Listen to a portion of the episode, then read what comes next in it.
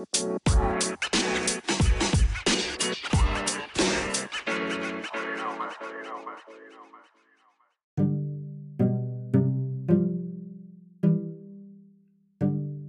teman-teman semua, selamat datang di Bisasi Podcast atau Bincang Santai Psikologi. Nah, hari ini gue nggak sendirian, gue bareng sama teman-teman gue di Bisasi Podcast ini.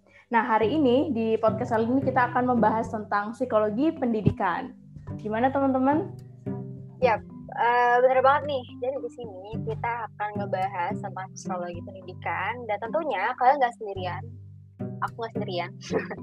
uh, di sini ada teman-teman aku juga. Kita bertiga di sini. Perkenalkan nama aku Fiona Nabila dan teman-teman aku juga ada Tifa dan Najwa. Mungkin uh, kita bisa lebih akrab lagi nih sama teman-teman pendengar podcast kita. Kita bisa lebih uh, memperkenalkan kita lebih jauh lagi kayak jurusannya, terus juga uh, kuliah di mana. Kalau gue pribadi, uh, tadi gue udah bilang nama gue Fiona Nabila. Gue kuliah di Universitas Pembangunan Jaya dan prodi gue prodi psikologi. Oke, untuk gue sendiri, halo semuanya, nama gue Najwa Kansa, gue biasa dipanggil Najwa, dan untuk jurusan sama kampus gue juga sama kayak Vira. Halo, uh, kenalin gue Tival, Rahma bisa, bisa dipanggil Tival, dan gue juga satu kampus dan satu prodi sama mereka berdua. Jadi salam kenal semuanya. Yeay. Um. Oke, Nah, uh, untuk hari ini kita akan bahas tentang dilema. Nah, untuk dilemanya apa? Uh, boleh dikasih tahu kita hari ini bakal bahas tentang dilema apa? Hmm, yang pasti sih kak, kita nggak akan ngebahas dilema tentang cinta nih, ya kan, anak SMK, ya kan. Nah, uh, jadi di sini kita akan ngebahas dilemanya anak SMK mengenai uh, uh, mengenai kuliah uh, apa kayak keraguan-keraguan mereka terhadap uh, mau kuliah atau kerja atau misalnya kuliah sambil kerja dan uh, sebagainya seperti itu. Oke, bakal seru banget sih kayaknya karena kita kan tadi bakal lebih spesifik tentang anak SMK ya. Nah kebetulan gue bukan anak SMK, gue dulunya SMA, jadi emang benar-benar nggak ada gambaran sama sekali sih SMK tuh kayak gimana. Uh, sama juga gue itu lulusan SMA maksudnya dulunya SMA jadi gue bener-bener nggak tahu tuh anak SMK tuh gimana sih suka dukanya kayak apa karena yang gue tahu pun uh, kalau anak SMA emang dipersiapkan untuk kuliah sedangkan kalau anak SMK karena mereka kejuruan jadi mereka pasti uh, dikhususkan untuk kerja tapi nggak memungkin nggak uh, menutup kemungkinan untuk mereka juga bisa kuliah gitu kita bakal bahas itu di sini. Nah, benar banget tadi yang diomongin sama Tival gitu kan. Benar kita nggak ada gambaran sama sekali. Jadi boleh nih untuk Vira yang anak SMK diceritain gitu gimana sih uh, kehidupan anak SMK dan segala kebingungannya. Oke, okay, um, kalau SMK sendiri uh, mungkin pengalaman dari gue uh, bedanya anak SMK sama sama itu kalau SMK itu belajarnya tuh lebih ke uh, praktek.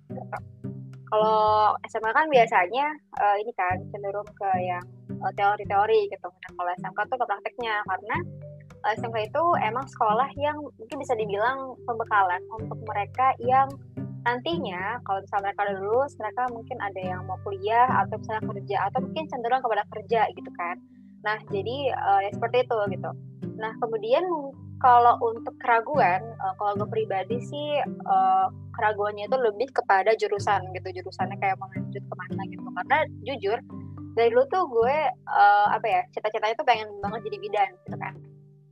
Tapi sama orang tua gue tuh nggak disetujuin karena kata capek atau misalnya uh, apa namanya karena gue kan benda kecil gitu, jadi nanti takutnya uh, apa namanya capean atau nanti dari sakitan gitu. Jadi kayak nggak diizinin gitu akhirnya uh, dikasih tahu uh, coba pengen nggak kuliah di jurusan komputer gitu. Nanti kalau misalnya udah lulus gitu nanti kerja di di perkantoran gitu yang kayak uh, jadi programmer lah istilahnya gitu.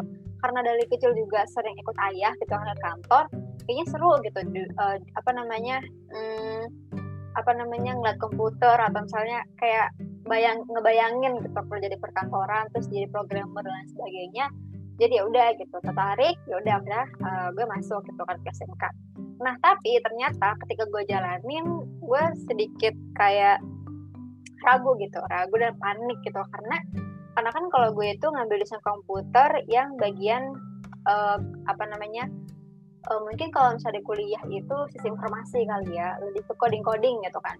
Nah itu tuh gue kayak uh, sempat bingung apa ya kayak bisa nggak ya gue gitu. Kan banyak banget tuh bahasa bahasa komputer yang uh, apa namanya harus udah nyantol lah di otak gitu kan basic basicnya gitu. Cuman gue kayak gitu gitu. Sebenarnya mungkin gue mampu gue bisa. Tapi ya gitu banyak ketakutan ketakutan kecemasan kecemasan yang sebenarnya tuh nggak perlu takutin gitu kan.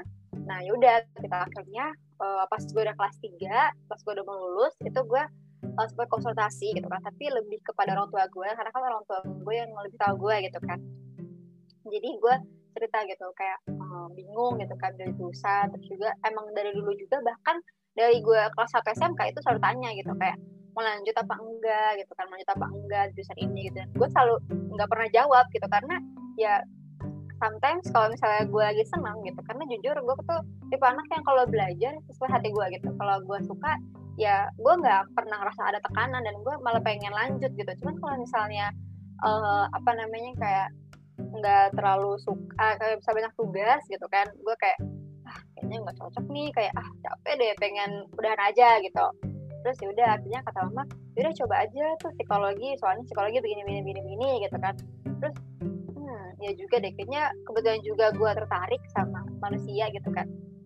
Akhirnya uh, banyak juga gitu pertanyaan-pertanyaan kenapa sih manusia begini? Kenapa manusia begitu? Gitu kan. Juga pengen tahu tentang kesehatan mental terus seperti apa gitu kan separah apa sih terus gimana cara menangani mereka mereka gitu kan jadi ya udah gitu kan akhirnya gue masuk ke psikologi kayak gitu Oke, okay, um, menarik banget sih uh, ceritanya Vira tadi. Gimana, Val? Uh, ini sih gue mau nanya aja. Berarti uh, hitungannya yang tiga tahun di SMA ini bukan apa yang lo mau dong? Hmm, sebenarnya apa yang gue mau kan kayak gue bilang tadi kalau misalnya uh, itu loh apa ya kayak hmm, bahasanya tuh ada motivasi dari orang tua gue yang kalau misalnya kantoran itu apa namanya kayak ayah gue gitu karena gue karena gue ngeliat ayah gue itu kerjanya seru terus juga kayaknya um, ya mungkin bisa dibilang uh, gue masuk sekolah pun ya kemauan gue juga gitu. Maksudnya kayak didukung dengan motivasi orang tua gue kayak gitu sih. Ini maksudnya bukan dari dalam diri lo sendiri kan? Hmm iya iya beban banget gak sih ngejalaninnya? Karena kan tiga tahun ya. Lumayan tiga tahun masuk gue hmm. Uh, beban. Kalau dibilang beban sih hmm, enggak enggak juga sih. Karena kebetulan setiap ada tugas karena ayah juga uh, ada apa ya kayak dosen juga gitu. Jadi kalau misalnya ada tugas atau misalnya uh, apa namanya hal-hal yang berhubungan dengan komputer yang menurut yang menurut gue tuh sulit uh, ya gue minta tolong uh, minta tolong sama sama ayah gue gitu kan. Jadi kayak nggak uh, terlalu beban banget sih sebenarnya jadi maksudnya ya udah walaupun bukan dari diri sendiri lu masih enjoy karena ya lu maksudnya punya apa ya punya privilege karena uh, bokap itu juga jurusan yang sama gitu kan gitu iya betul banget oke okay. oke okay. uh, eh, menarik banget tadi ceritanya Vira gitu dan gue kebetulan gue beberapa hari nih sebelum kita podcast gini gue udah nanya-nanya ke temen gue yang uh, dia SMK juga. Jurusannya juga ada di sistem informasi. Uh, spesifiknya kalau nggak salah dia waktu itu ngambil rekayasa perangkat lunak. Jadi benar-benar kayak komputer juga coding juga gitu. Nah uh, kita samarin aja namanya jadi CN gitu. Nah jadi CN ini juga merupakan anak SMK dan dia tuh sempat ngalamin kebingungan gitulah. Dia bingung kalau setelah kuliah dia tuh harus eh, maaf maksudnya setelah dia SMK ini dia harus kuliah atau kerja gitu kan. Nah dia bingung kalau dia misalnya kuliah apakah dia harus ngambil jurusan yang sama kayak yang dia ambil waktu SMK atau enggak? Karena kebetulan dia ini ngerasa bahwa dia salah jurusan waktu SMK dan kalau misalnya dia nggak kuliah dia kerja dia tahu gitu kalau kerja ini tuh agak susah kalau gelarnya cuma sekedar gelar SMK kan nah sampai akhirnya dia milih ya udah deh gue kuliah aja gue kuliah dan gue ngambil jurusan yang sama. Nah alasan dari si N ini kuliah uh, jurusan yang sama dan dia juga akhirnya mutusin untuk kuliah ya karena pertama dia bilang kalau cari kerja untuk uh, anak SMK itu masih susah. Terus kalau dia kuliah gitu dia akan sebenarnya dia akan lebih mudah buat dapat kerja.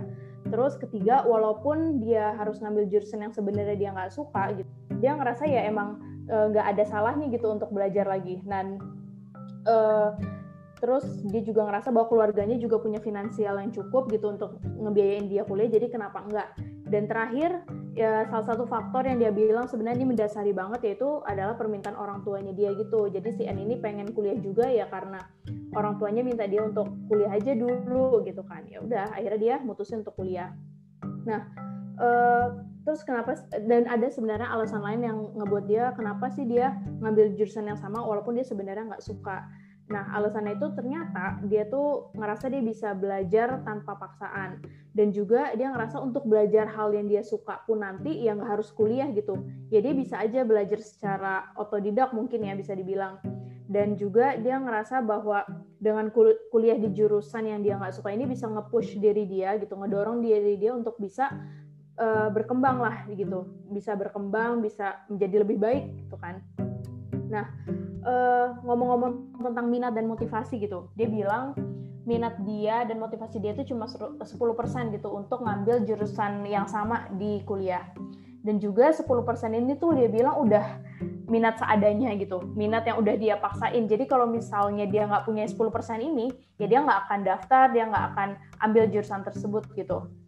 Nah, uh, terus juga kalau dia bilang untuk kuliah sendiri sebenarnya dia juga punya motivasi yang kurang gitu. Apalagi ke jurusan yang sebenarnya dia nggak suka. Cuman uh, kalau ditanya motivasi lainnya gitu kenapa akhirnya dia mau kuliah ya tadi untuk masa depan. Terus dia buat cari uang terus ya sekadar dia biar tahu aja gitu mau ngapain ke depannya gitu kan Uh, terus ngomongin tekanan, dia bilang dia sebenarnya tertekan gitu dengan keadaan ini gitu. Dia tertekan karena dia harus kuliah dan dia harus ngambil jurusan yang sebenarnya dia nggak suka gitu. Uh, dia bilang ada satu yang dia korbanin gitu demi mendapat uh, demi kuliah ini yaitu kebahagiaan dia gitu. Dia ngerasa dia kurang bahagia gitu. Ya wajar sih karena dia kan nggak suka ya sama jurusan tersebut gitu. Dan juga hmm, dia bilang ya walaupun ada tekanan tadi itu justru ngedorong dia untuk jadi orang yang lebih baik dan juga ya dia bisa aja gitulah bekerja berada di situasi di bawah tekanan gitu. Jadi dia mungkin masih yang kayak oke okay lah nggak apa-apa gitu. Uh, terus juga gue sempat nanya untuk anak SMK secara keseluruhan tuh gimana gitu di SMK sendiri uh, dia cuma bisa ngasih contoh uh, gambaran anak SMK secara keseluruhan di jurusannya ya gitu jadi dia bilang secara umum sih nggak ada kebingungan yang kayak yang dia rasain gitu. Kebingungan itu nggak ada dan juga kebanyakan dari mereka gitu pas uh, kuliah mereka ngambil jurusan yang sama. Jadi kalau misalnya pas SMK dia ngambil uh, rekayasa perangkat lunak ya pas kuliah mereka juga ngambil jurusan yang sama gitu sistem informasi mungkin ya yang masih satu uh, satu bidang dan juga uh, kalau tentang jurusan sebenarnya banyak ternyata dari mereka yang ngerasa nyesel sama jurusan tersebut. Tapi ya akhirnya mereka tadi tetap ngambil kuliah dengan jurusan yang sama. Dan juga terakhir adalah yang dia lihat bahwa ternyata anak SMK di jurusan dia itu apa ya semuanya tuh pe pada pengen lanjut kuliah gitu dibandingkan kerja. Entah alasannya apa dia nggak tahu sih alasannya apa tapi ya ternyata banyak yang pengen lanjut kuliah dan ngambil jurusan yang sama walaupun ternyata mereka tuh sebenarnya nyesel gitu ngambil jurusan tersebut di SMK gitu sih. Dan terakhir yang dia bilang bahwa motivasi terbesar dia memang dari orang tua tapi ya udah dia nggak apa-apa karena dia ngerasa dia bisa berkembang lewat lewat situasi yang nggak nyaman buat dia. Dan terakhir ya dia seharusnya bisa gitu untuk belajar hal yang dia suka tanpa harus kuliah. Gitu sih uh, apa ya info dari teman aku yang uh, anak SMK? Uh, yang gue acungin jempol sih buat temen lo karena ngelakuin yang bukan kita suka tuh bebannya tuh berat hmm, banget Hmm. Iya Setuju sih. banget. kayak maksudnya mi- misalkan gitu ya gue yang suka sama pelajar ini terus banyak tugas bebannya tuh kayak double gitu loh kalau misalkan Iya, gue ya kan? Kalau misalkan gue suka sama matkul ini tapi gue uh, ada tugas banyak ya udah paling ngeluhnya gue tuh ya udah ngerasa capek aja. Tapi kayak gue sebenarnya tuh masih enjoy jalannya gue nggak masalah sama itu. Karena itu pilih apa itu pilihan gue. Tapi kalau misalkan itu bukan tuh kayaknya berat banget double double double trouble gitu ya menurut gue. Iya benar-benar. Keren Iya banget sih, sih, benar. Makanya dan emang ya udah gitu dia emang kayak udah nggak punya pilihan lain juga gitu ya mungkin dia ngerasa ya udah emang kayak gini dan juga tadi sih emang banyak banget gitu kan faktor yang melatar belakangi kenapa si N ini gitu akhirnya ngambil uh, akhirnya mutusin buat kuliah gitu dari SMK walaupun sebenarnya dia pengen kerja sih gitu kan. Hmm. Tapi faktornya eh, ini ya kayak yang pertama sih pasti orang tua saya keluarga lingkungan terus ya dia ada ada finansial maksudnya dia nggak terpaksa harus kerja juga kan. Karena kan ada yang emang "Ya udah eh, gue harus kerja karena gue mesti ngedain keluarga gue ada kayak gitu. Tapi kan dia alhamdulillahnya masih bisa dibiayain sama kedua orang tuanya untuk lanjut kuliah. Terus juga eh, dengan kuliah tuh berarti kan kayak kita tuh nambah pasarannya naik level ya. Kita punya kita punya gelar jadi orang tuh lebih kenal kita apalagi kalau di dunia kerja. Minimal setahu gue sekarang tuh S1 jadi kayak eh jur eh, apa sih lulusan SMA SMK tuh paling jadi apa sih gitu loh. Jadi mungkin itu juga yang latar belakangnya. Jadi bisa gue bilang nih motivasinya ada dari luar dan dari dalam ya dari intrinsik dan ekstrinsik ya Hmm, waduh apa tuh intrinsik dan ekstrinsik? aduh berat Boleh, banget ya dijelasin. gue Iya, kayaknya berat banget nih ya kan. Bincang psikologi Pak. gitu. Kita Iya. bincang tetap ada psikologi psikologinya.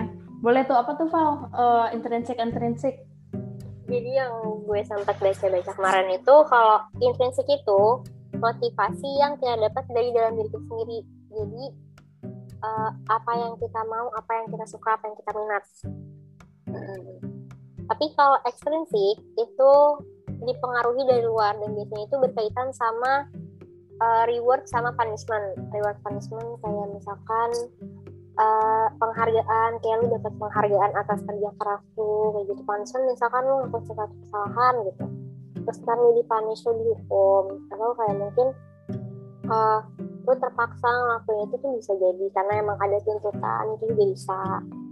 Kayak gitu guys Oke oke jelas banget sih. Berarti kalau eh, kita balik lagi ke kasusnya si N ini, berarti intrinsiknya itu dari dalam dirinya dia itu berarti yang bagian dia ngerasa ya udah eh, nggak apa-apa dia ngambil jurusan yang sama karena dia bil- karena dia ngerasa dia bisa eh, bekerja, dia bisa belajar di bawah tekanan dan juga dia ngerasa bahwa untuk belajar hal-hal yang dia sukain itu ya nggak perlu kuliah gitu, bisa di luar kuliah. Dan juga untuk eks- ekstrinsiknya eh, yang faktor terbesar sebenarnya sih emang dari orang tua kan karena dia pengen eh, apa ya kayak menuruti gitu kemauan orang tuanya. Berarti kayak gitu ya Val ya? Iya sama eh, ya karena ada tuntutan juga kan. Maksudnya kayak lumayan ya sih kalau misalkan kuliah gelar lu nambah gitu kan. Kan eh, hitungannya kalau misalkan lu kerja dengan gelar S1 kan gajinya lebih tinggi dibandingkan kalau lu lulusan SMK gitu. itu bisa jadi ekstrinsik juga loh. Iya, betul. Kalau Vira sendiri berarti intrinsiknya mana ekstrinsiknya mana tuh Hmm, kalau yang gue tangkap sih ya tadi, kalau Vira itu dia, nah, jadi kalau Vira itu, kalau Idrisnya itu karena kan tadi dia itu mau kuliah karena kemauannya dia sendiri, dia mau ambil jurusan sesuai sama dia, eh, dengan bantuan orang tuanya, karena kan tadi dia sempat tanya-tanya tuh sama orang tuanya, mending gimana ya, ya bun, gitu. Tapi kalau ekstrinsiknya, eh, ya itu dari orang tuanya kayak orang tuanya yang saranin kayak ini kamu ambil ini deh itu juga bisa. Jadi ada dua-duanya. Eh, emang sebenarnya rata emang sih yang gue tahu itu motivasi ekstrinsik dan intrinsik itu bisa berbarengan. Tapi yang gue dengar juga ada alangkah baiknya sebenarnya kita tuh termotivasi secara intrinsik tau guys?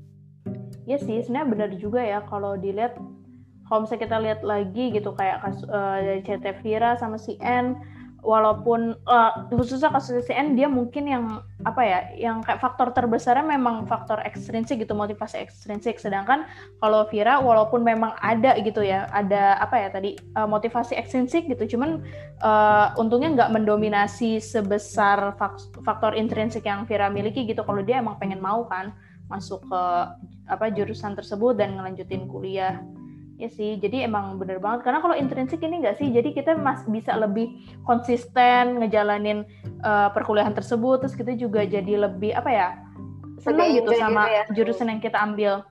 Iya. Benar. Lebih menikmati gitu loh. Jadi saat kita ngajarin tuh ya udah kita fokus apa yang kita kerjain dan hasilnya tuh juga uh, lebih baik gitu loh. Kalau misalkan ekstrinsik berarti kan kita fokus sama output uh, outcomes-nya aja. Kita fokus sama karena kalau tuh kita kalau kuliah ya udah yang penting nilai gue bagus gue lulus selesai. Tapi kalau misalkan intrinsik tuh ya gue kuliah gue mau dapat nilai bagus agar gue uh, nanti bisa mendapatkan uh, karena gue senang dan gaji nanti bisa dapat ekstrinsiknya juga sebenarnya karena ya gue nilai gue bagus ntar gue dapat kerjaan enak gaji gue gede kayak gitu loh. Tapi emang lebih bagus deh cara intrinsik karena kita enjoy jalannya. Kita nggak ada beban ngejalanin itu kalaupun kita capek ya kita nggak ada pikiran untuk berhenti kayak gitu loh terus hmm, aja gitu bener. jalan ini gitu ya hmm. karena itu kemauan kita gitu ya iya iya sih kalau yang kayak tadi CN ini berarti kalau kita ngomongin tadi uh, udah kita sebenarnya tadi udah masuk sih ke uh, topik ada yang namanya reward gitu kan. Jadi kalau faktor ekstrinsik itu deket banget gitu uh, pembahasannya sama reward atau penghargaan gitu kan. Nah, kalau dari kasusnya si N ini memang faktor ekstrinsiknya ini dia ini hmm, tadi kan dia pengen dapat uh, pengen kenapa dia pengen kuliah? Karena ya udah dia pengen menuhin kemauannya ortu kan.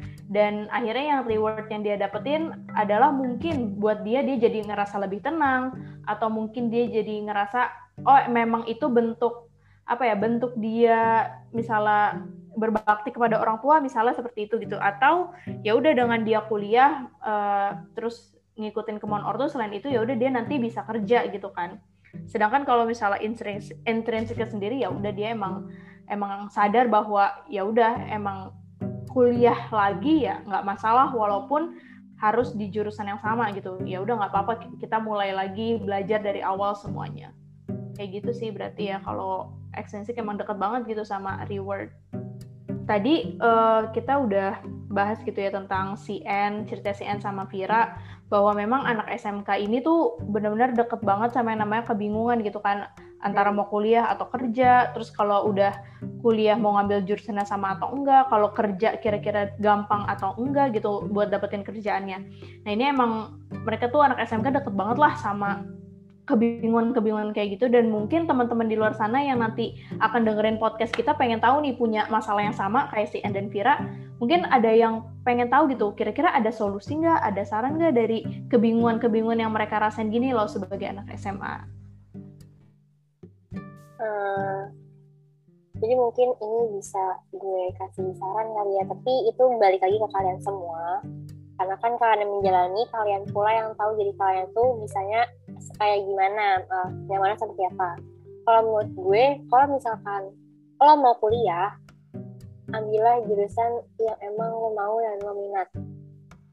Karena misalkan saat uh, eh, SMK kemarin tiga tahun lo nggak minat sama jurusannya terus lo mesti kuliah dengan jurusan sama itu bebannya jadi double kayak lo nambah empat tahun lagi nih buat jurusan yang sama dan lo nggak suka. Itu bakal beban banget ke depannya gitu. Karena juga porsi SM, SMK dan uh, kuliah tuh juga di kuliah tuh lebih beban lagi loh tugasnya. Itu bakal jadi double trouble kalau menurut gue. Jadi menurut gue mending lo ambil apa yang lo suka apa yang lo minat.